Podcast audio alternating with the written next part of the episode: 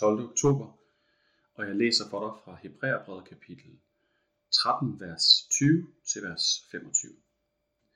Måtte fredens Gud, der førte forne store hyrde, hvor Herre Jesus Kristus op fra de døde, med en evig paksblod, sæt jer i stand til alt godt, så I gør hans vilje, i det han selv udvirker i os, hvad der er ham velbehageligt ved Jesus Kristus. Ham tilhører æren i evighedernes evigheder. Amen. Jeg beder jer, brødre, om at optage denne formaningstale i bedste mening. Jeg skriver til jer i al korthed. I skal vide, at vor bror Timotius er blevet løsladt, og hvis han kommer snart, vil han være med, når jeg besøger jer. Hils alle jeres ledere og alle de hellige. De fra Italien hilser jer. Nåden være med jer alle. Sådan afslutter Hebræerbrevets forfatter sit brev til de troende, til formentlig en masse forskellige menigheder og husfællesskaber rundt om i Romeriet. Og den måde, vi afslutter breve på, har til altid været øh, der, hvor vi afslørede vores eget hjerte. Der, hvor man lige får sagt det vigtigste. Hvis du nogensinde har skrevet et brev til nogen, som var virkelig vigtigt for dig, så er det tit, at vi skriver lidt mindre, lidt tættere og lidt mere følelsesfuldt til allersidst i et brev. Især hvis det er til en kærlighed, vi har. Når Hebræerbrevets forfatter han skriver her, så skriver han, hvad der er hans største længsel. Normalt, når vi afslutter et almindeligt brev, så skriver vi MVH eller VH, venlig hilsen. Så hvad er Hebræerbrevets venlige hilsen? Den største hilsen, den største ønske for dem, der skal læse det her brev, er, at Gud, fredens Gud, ikke bare én Gud, men den Gud, der er kendetegnet ved at give fred, den Gud, der for det andet er kendetegnet ved at have magt til at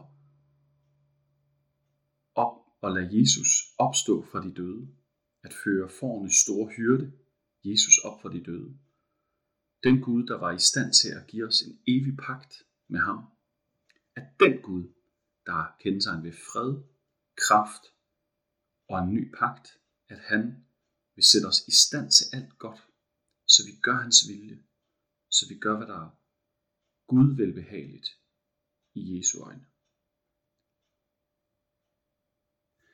Ønsket er altså, at tro ikke bare noget, vi forstår eller ved, men også er noget, der får konkret handling bag. At det får et udtryk i, hvad vi gør, ikke kun hvad vi siger eller hvad vi tænker. Det er Hebræerbrevet forfatteren. Øh, det er hans helt store ønske for mennesker. Hvad skal være vores respons på det? Det er jo det samme, han ønsker for os. Selvom han ikke kender os og ved, at vi også blev læsere. Han håber for os, at den Gud, der er kendetegnet ved fred, ved kraft til at kunne lade mennesker opstå fra de døde, ved at have indstiftet en ny pagt, en ny forsonende aftale og genetableret båndet med mennesker, der vil ham. Den Gud, at han kan gøre os i stand til at gøre godt. Til at gøre hans vilje. Til at gøre, hvad der er ham velbehageligt.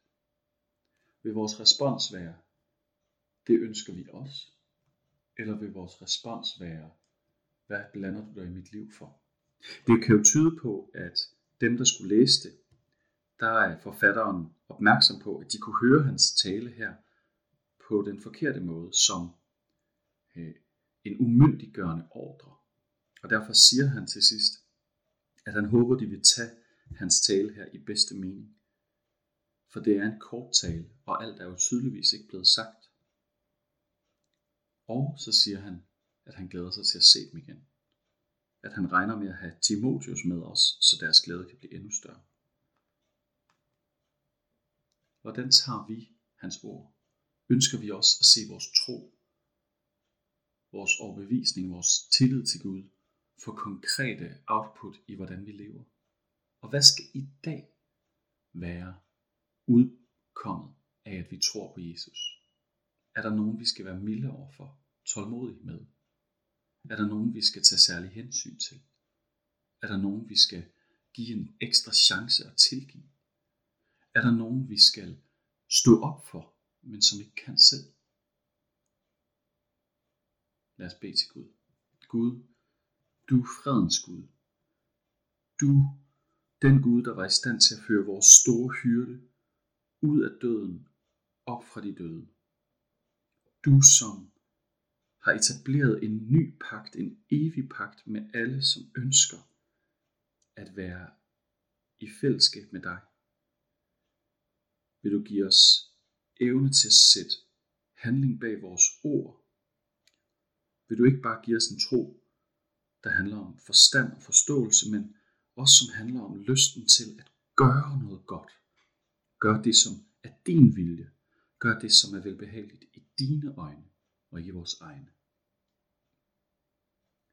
Gud giver os den samme glæde og iver og længsel, som ham, der skrev det her brev til os. Amen. Giv han en rigtig god dag.